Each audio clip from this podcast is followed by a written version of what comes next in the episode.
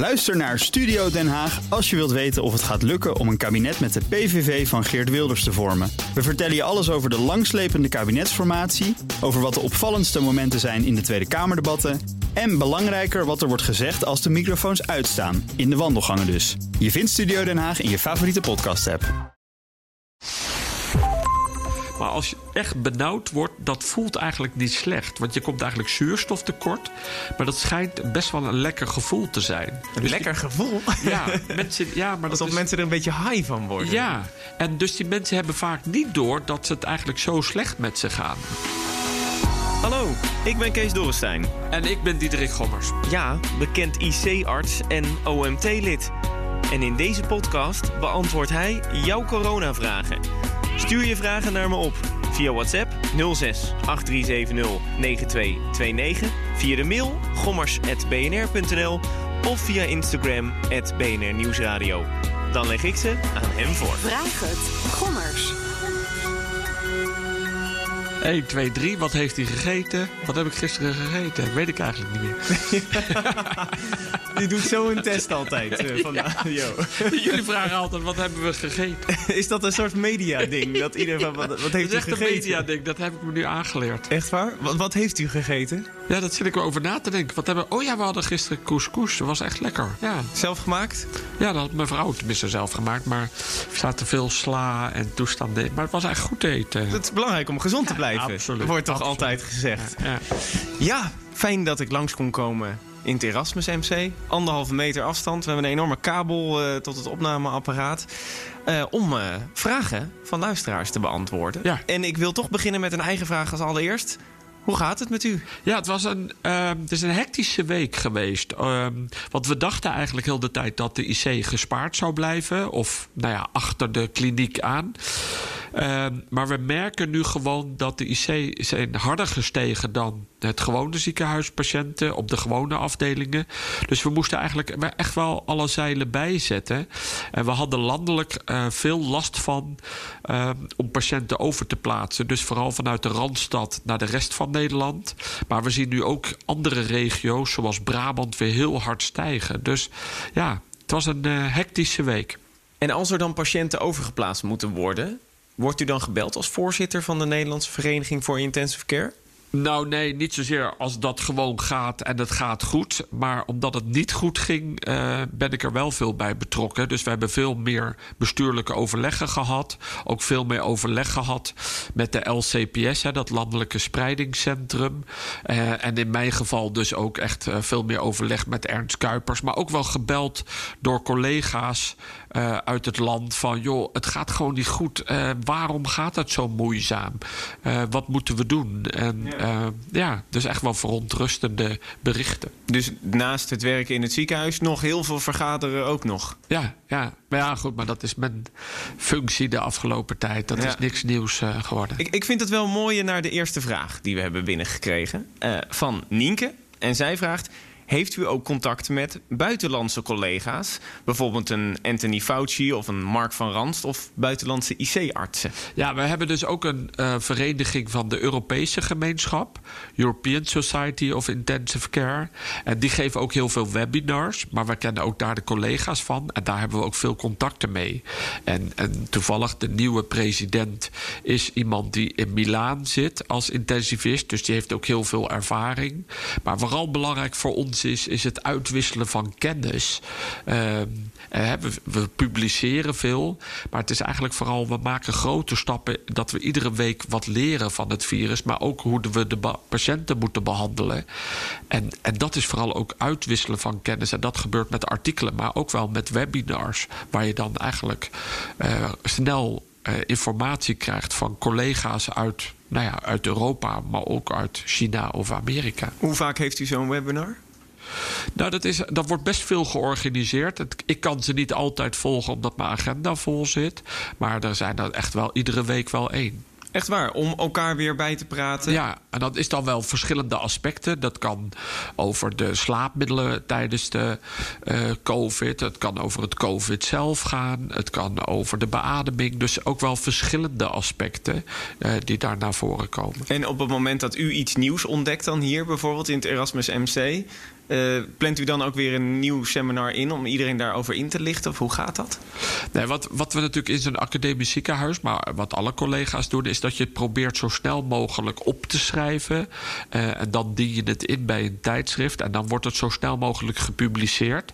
Normaal gesproken duurt dat altijd best lang. Gaat er langere tijd overheen om te reviewen. Dus door collega's die, die jouw artikelen kritisch bekijken. Even controleren, klopt het wel? Wat ja, en er staat er geen onzin. En nu met de COVID is er wel een, een sneller proces. Dus artikelen komen, worden heel snel online gepubliceerd. En daarna komen ze pas in de bladen. Maar daardoor komt er wel snel nieuwe informatie beschikbaar. Heeft u al veel gepubliceerd de afgelopen tijd? Ja, ik niet alleen, maar vooral samen met andere collega's van de afdeling, maar ook van andere afdelingen, zoals de hematologie of de viroscience, de, de afdeling van Marion Koopmans. Maar dat komt ook omdat we natuurlijk nu ook heel makkelijk van dezelfde patiënt er ineens heel veel achter elkaar krijgen. Normaal gesproken uh, doen we ook onderzoek, maar duurt het altijd? Moet je weer even wachten. Je moet heel veel patiënten hebben natuurlijk ja, voor dat om een onderzoek. goede studie te doen. En nu zie je eigenlijk liggen er veel van hetzelfde. En daardoor kun je wel sneller studies doen om een gedachtegang of een medicijn snel uit te testen. Jullie hebben dus al hoeveel hebben jullie met z'n allen al gepubliceerd? Ja, het is niet bij te houden bijna. Hè. Dus internationaal wordt er zoveel gepubliceerd dat je het bijna niet kan lezen. En daarom zijn die webinars ook zo belangrijk. Dat een bepaalde specialist dat eigenlijk voor jou doet en dat samenvat. En dan de belangrijke artikelen. Maar we hebben natuurlijk ook binnen met collega's hebben we veel overleg. En dan heeft die weer wat gelezen en die weer wat gelezen.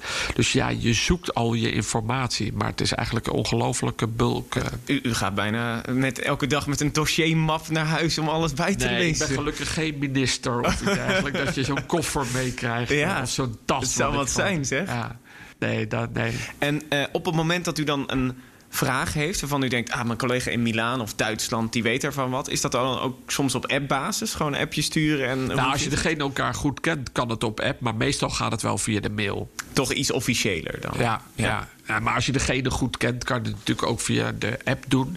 Maar meestal de, de collega's die je beter kent. En we hebben natuurlijk allemaal diezelfde problemen. Binnen Nederland gebeurt dat veel makkelijker. hè. Dus een collega, longarts, intensivist in het Amsterdam UMC of in Nijmegen. Daar heb je, of je pakt gewoon de telefoon en je belt hem.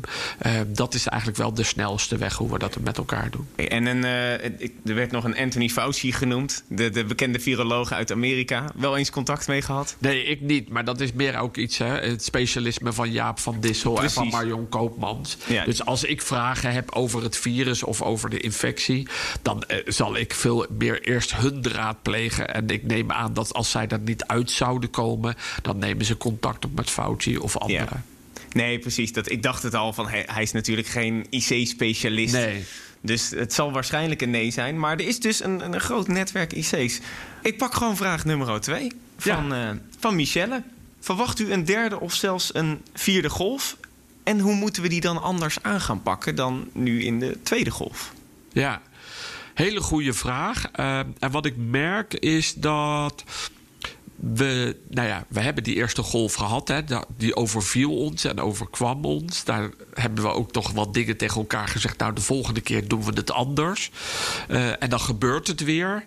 En dan toch heb ik het idee dat we toch altijd het gevoel hebben dat je iedere keer weer te laat bent. Dus dat je eigenlijk graag eh, sneller maatregelen of de aanpak anders had willen doen. Om de golf te voorkomen. Ja, of voor te zijn. Eh, nou ja, bijvoorbeeld als ik kijk naar, vooral naar mijn eigen vak. We hadden intern eh, de discussie eh, vorige week van... zouden we de mensen wel op vakantie kunnen laten gaan? Deze week is de herfstvakantie in deze regio. Nou, we hebben met elkaar besloten... ja, maar het is ook belangrijk... want het kan misschien best wel lang duren... dat de verpleegkundigen en de dokters eh, op vakantie gaan. Hebben we gedaan. En dan komen we deze week toch in de problemen. Want daardoor konden we niet verder opschalen. Nee, omdat de mensen op vakantie Omdat zijn. mensen op vakantie zijn, mis je er een paar. Ehm, ja, en dan lopen we toch tegen die feiten. Dus eigenlijk lopen we dan toch weer achter de feiten aan. En moeten we passen en meten. En hebben we, nou ja, moeten we verpleegkundigen uit andere afdelingen halen. Nou, dat gaat ook moeizaam, want daar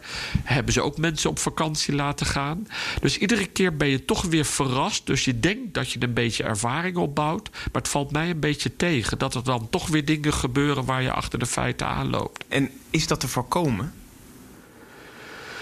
Ja, goede vraag. Uh, je, je, wordt wel steeds wijzer omdat je steeds meer ervaren wordt. En, maar alleen is het natuurlijk echt wel een nieuw virus. Uh, en er is he helaas niemand die deze ervaring heeft. Of die in die glazen bol kan kijken. En die kan zeggen: jongens, let nou op, dit en dit gaat gebeuren. Dus ja, ik begrijp, hè, we, we, leggen, we hebben heel veel overleg met elkaar. Maar het overvalt ons wel. En wat nu vooral ook zichtbaar is, ja, zo'n tweede golf. Hè, medisch gezien is het voor ons makkelijker. Want we weten wat voor virus het is. We hebben betere behandelingen. We hebben apparatuur. Vorige keer overviel het. Hè, toen hadden we te weinig beademingsapparatuur. Maar nu staat alles klaar. Dus alles is er. Maar ja, die maatregelen is wel lastiger. Want een tweede golf heeft economisch veel meer gevolgen. Dus er is, wat je nu wel merkt, om draagvlak te creëren is veel lastiger. En er is veel meer discussie. Ook over om de reguliere zorg door te laten gaan. Ja, dat merk je dat dat echt moeilijker is dan de tweede golf. Maar er zijn ook economen die zeggen op het moment dat je nu even een keiharde lockdown doet, dat het uiteindelijk minder schadelijk is dan dat je bij wijze van de hele winter allemaal strenge maatregelen moet nemen natuurlijk. Ja, maar ook daarvan. Uh, het kan. Hè? We, we, soms vanuit dat oogpunt zou je best wel kunnen zeggen: dan doen we drie of vier weken een totale lockdown. Maar niemand weet of het echt helpt. En niemand weet ook of we dan daarna echt vrij kunnen. En daar zit dus een risico in. Zit toch nog steeds een beetje improvisatie in? Ja, eigenlijk wel. Een hele goede opmerking, want dat is het toch eigenlijk. We doen ons best naar eer en geweten. Maar wat er iedere keer gebeurt, uh, moeten we toch een beetje afwachten. En dus komt er nog een derde of een vierde golf aan. Ja, ik wil het eigenlijk gewoon niet. Dus ik heb meer zoiets van: we doen met elkaar ons best. We, we, we, we merken gewoon dat de wetenschap vooruit gaat. Hè, dus medisch gezien. Maar vooral andere dingen zijn ook belangrijk. En een van die belangrijke dingen is, is dat we makkelijker en meer kunnen testen. En vooral sneller uitslagen hebben. Want daar geloof ik zelf een beetje in. En er wordt natuurlijk ook nog door de farmaceutische industrie heel hard gewerkt aan een goed vaccin. Is dat vaccin dan de oplossing voor het voorkomen van een lockdown? Ja, want dan heb je als er, als er een goed vaccin is, bouw je antistoffen en heb je immuniteit. Dat gaat helpen. Maar ja, ik, ik vind dat je niet op één paard moet wedden.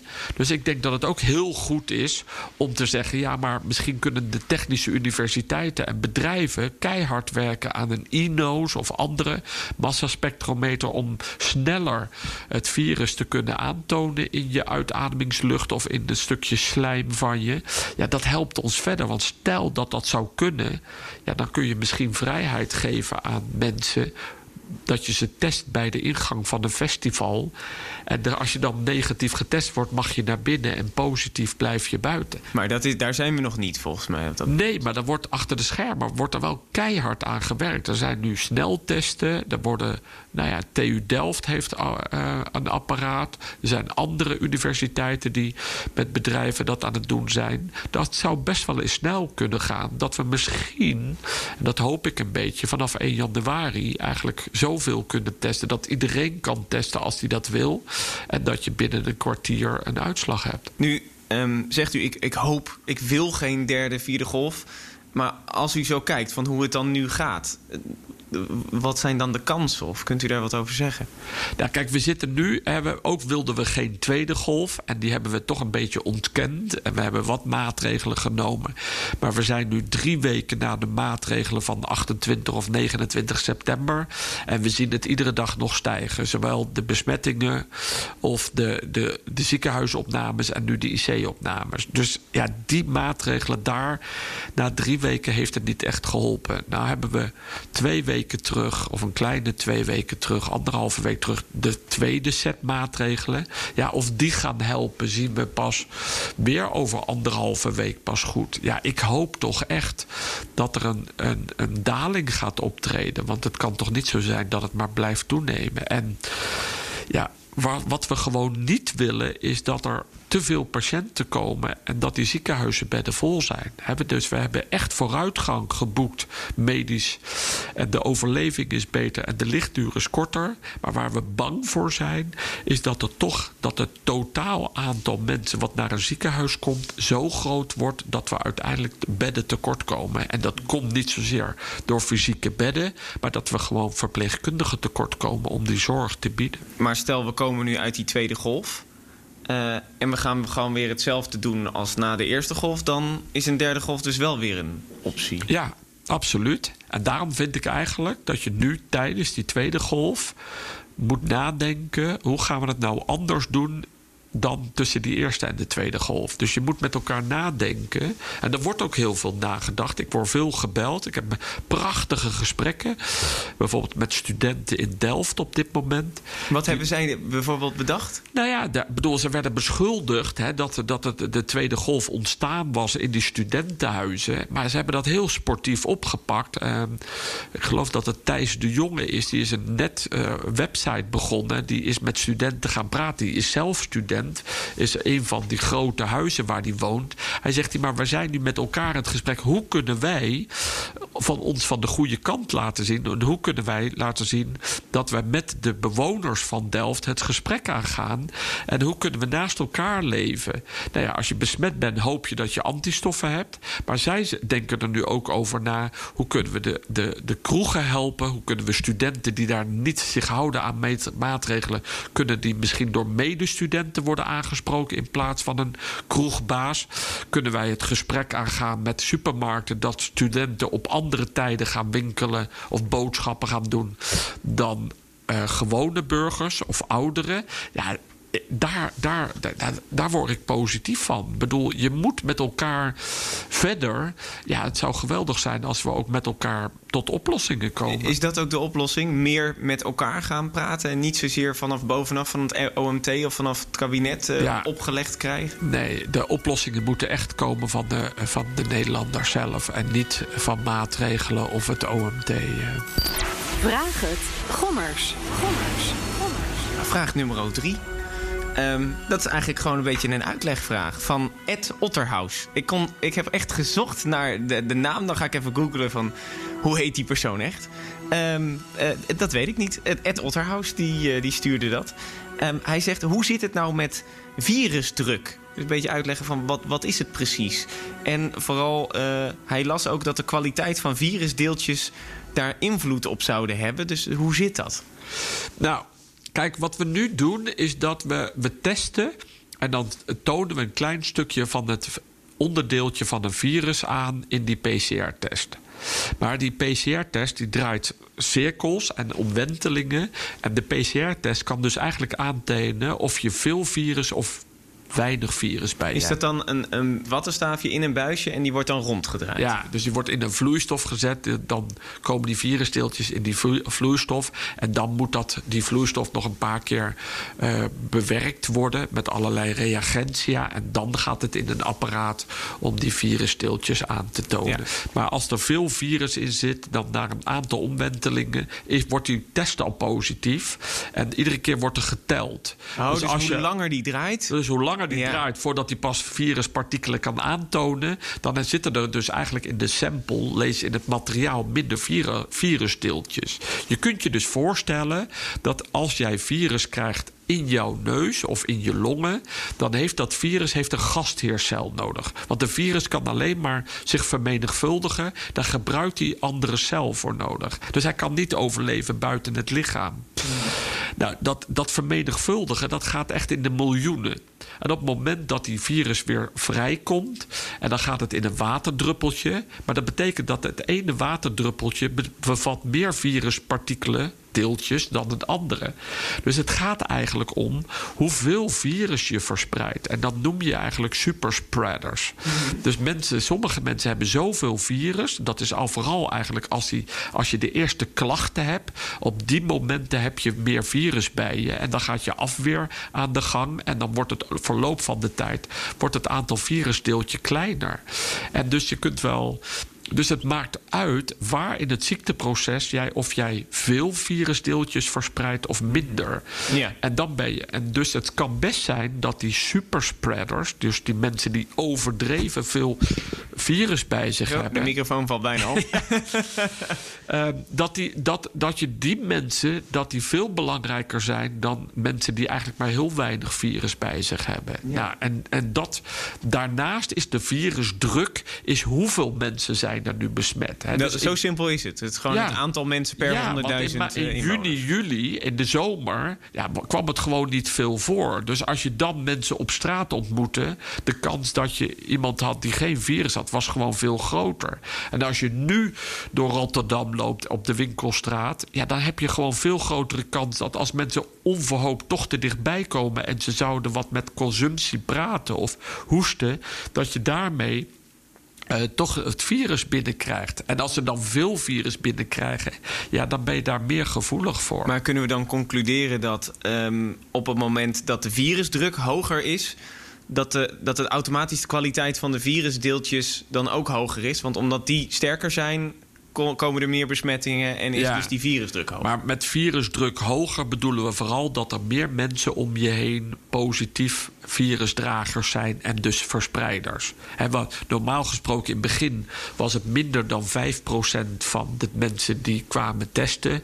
En nu is dat in sommige regio's al 20, soms 15, maar soms ook 25 procent. Dat is bijna een kwart van de mensen die eh, zich komt laten testen is positief. Ja, dan betekent dan heb je een hoge virusdruk. Dan zijn er erg veel mensen in die omgeving die eigenlijk eh, corona of COVID-19 positief Ja. zijn. Vraag nummer 4 dan. Eh, van Rudy komt die af. Ehm, en die vraagt zich af of u zelf aan de zorgindustrie verdient... omdat u patenten of octrooien zou hebben. Ik, deze vraag is van een- meerdere mensen binnengekomen. Ja, da- En ja, ik dacht, ik wil hem wel even stellen, ja. Ja, nou, er, staat, er, er is een Wikipedia-pagina over mij gemaakt. Ja, dat Echt had, waar? ik, ja, dat had ik vroeger niet, Had dat natuurlijk. niet? Nee. Echt waar? Ehm, U doet het toe als er een Wikipedia-pagina ja, is. ja, blijkbaar. En daar staat terecht op dat ik in het verleden ooit met een collega hebben we een patent geschreven. En dat patent gaat over. ehm, over een anesthesietoestel. Wij, vroeger waren wij bezig met onderzoek om xenon-anesthesie te geven. Dat is een edelgas, ehm, maar dat is heel kostbaar. En dan is het heel belangrijk dat als je die anesthesiedamp gebruikt... om iemand in slaap te brengen tijdens een operatie... ehm, dat je dat gas normaal gesproken... dat gaat via de uitademing en dat gaat via het afzuigsysteem naar de buitenlucht.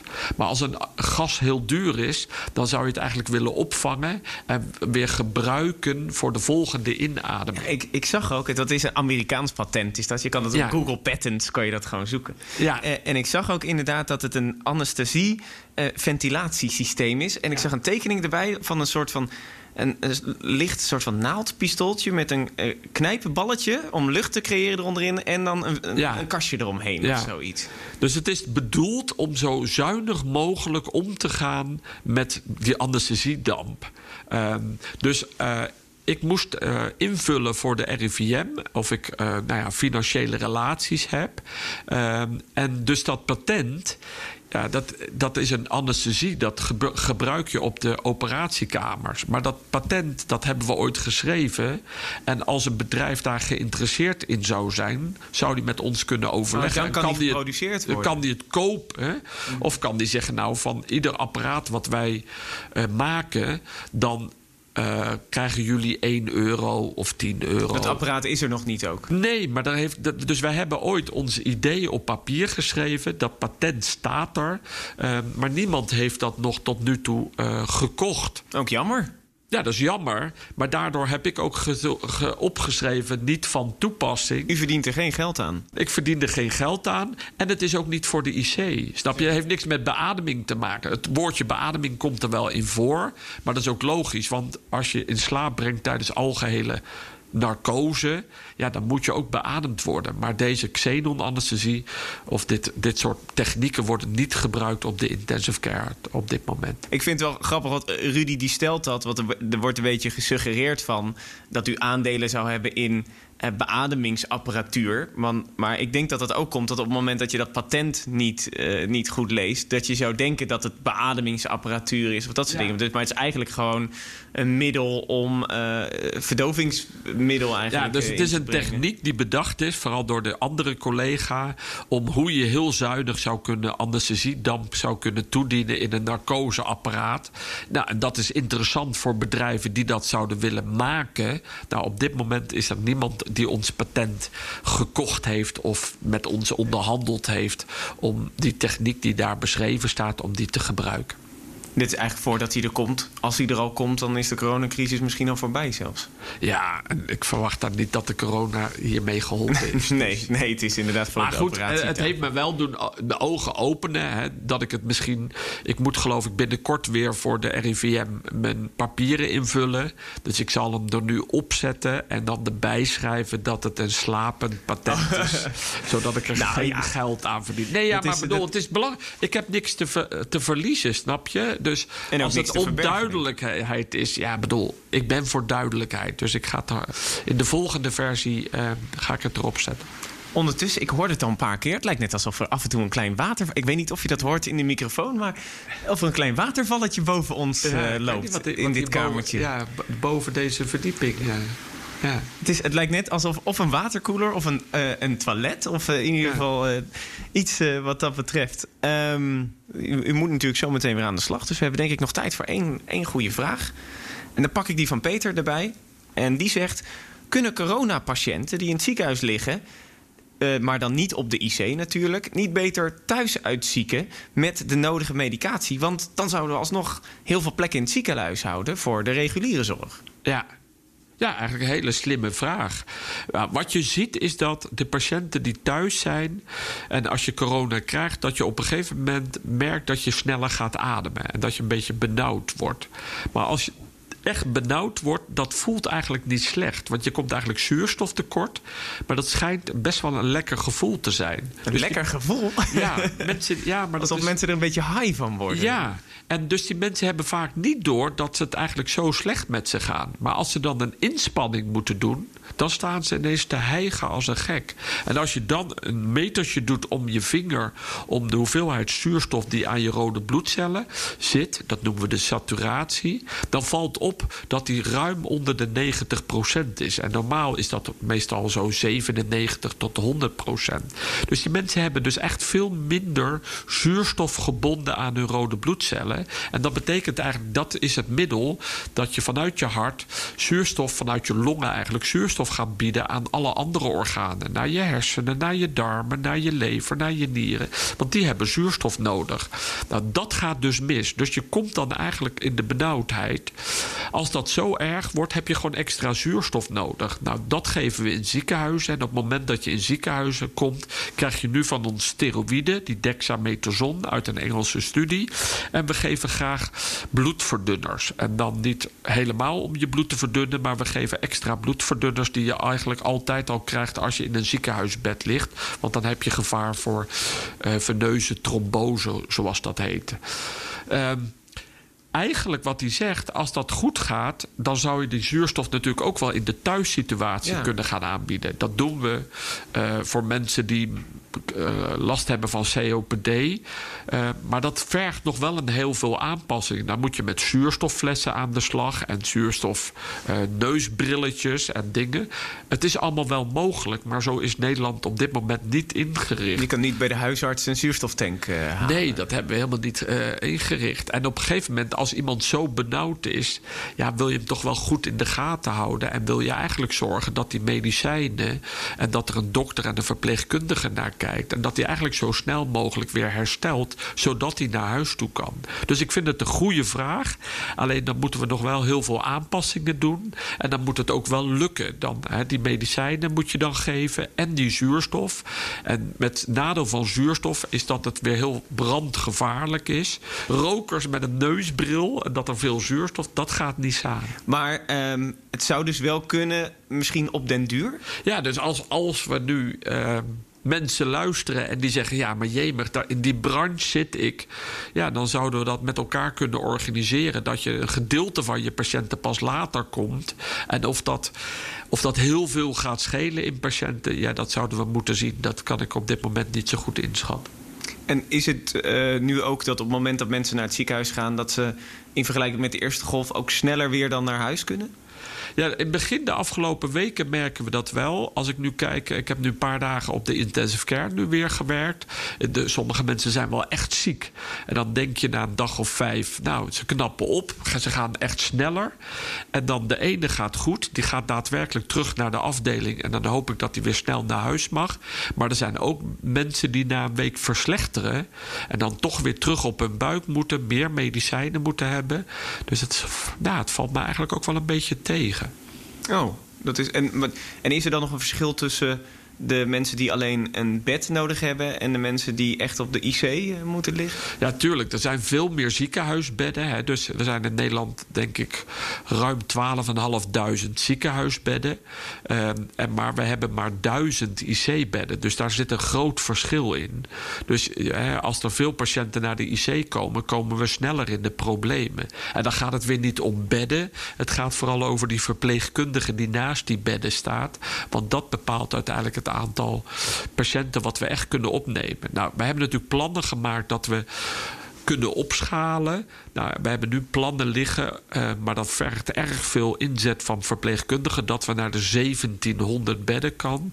Maar dat begint toch wel een beetje het maximum te zijn. Dus ja, we moeten daar wel met elkaar ruim onder blijven voor de intensive care. Ja. Dus wat dat betreft, uh, een beetje jammer dat, het, dat ze niet, niet te sneller herstellen eigenlijk ja, uh, in vergelijking. Ja. ja. Nou, dan uh, zit bij deze de allereerste vraag het gommers erop. het is nu einde van de middag als we dit opnemen. Um, hoe lang moet u nog door?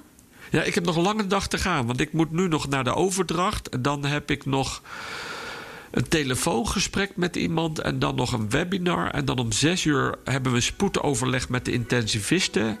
En dan staat om half negen de taxi klaar naar Jinek. En dan ben ik vanavond denk ik ergens om half twaalf, twaalf uur weer thuis. Oh jee. En ik ben vanochtend om 7 uur begonnen. Dus uh, ja. Jeetje, doet u nog genoeg om fit te blijven? Vrij. U heeft het weekend vrij, gelukkig. u kunt, u kunt, heeft u nog altijd om couscous te eten vanavond? Ja, dat ga ik zeker weer doen. Ja? Uh, dus dat ga ik weer, weer gauw naar huis nog tussendoor. Heb je nou zelf een vraag voor Diederik Gommers? Nou, stuur die dan op. Je kan hem whatsappen naar mij. Hier is mijn nummer 06 8370 9229.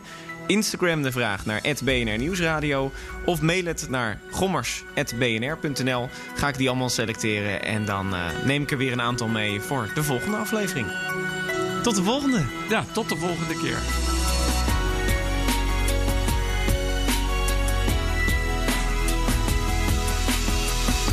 Vraag het. Gommers. Gommers. Ook Thomas van Zeil vind je in de BNR-app. Je kunt live naar mij luisteren in Zaken doen. De BNR-app met breaking news, het laatste zakelijke nieuws... en je vindt er alle BNR-podcasts, bijvoorbeeld Het Nieuwe Geld. Download nu de gratis BNR-app en blijf scherp.